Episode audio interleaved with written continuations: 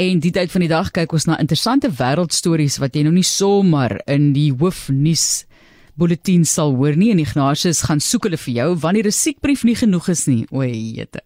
BBC se rigting op hulle webblad Ignatius. Ja, maar Tlies, maar jy weet daar's darem nou een stukkie nuus hier wat uit ons Suid-Afrikaanse nuus so kom want in die week het ons gehoor in die nuus van iemand wat sy inkomste by die inkomste diens verloor het. Sy siekbriefie by SARS was nie versoenbaar met betoog voor 'n aptekersgroep se tak op 'n siekdag nie. Maar dis nou werk verloor. 'n Lid van die Oekraïense parlement se siekbrief het gesê hy is siek. Die siekte het opgedaag terwyl hy vir 3 dae met besigheid in Pole was.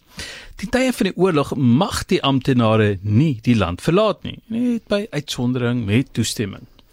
Maar lyk my soos wat ander lande se media Oekraïne toe is vir dekking, was Oekraïne se media in die Maldives want dis waar hulle die lid van die parlement saam met sy gesin opgemerk het. Sonbrand, vingersbrand, hy's nou gebrandmerk. Hy word nou ondersoek en as daar gevind word dat dinge is soos wat dit lyk, kan 18 dae uit die land tot 3 jaar in die tronk lê.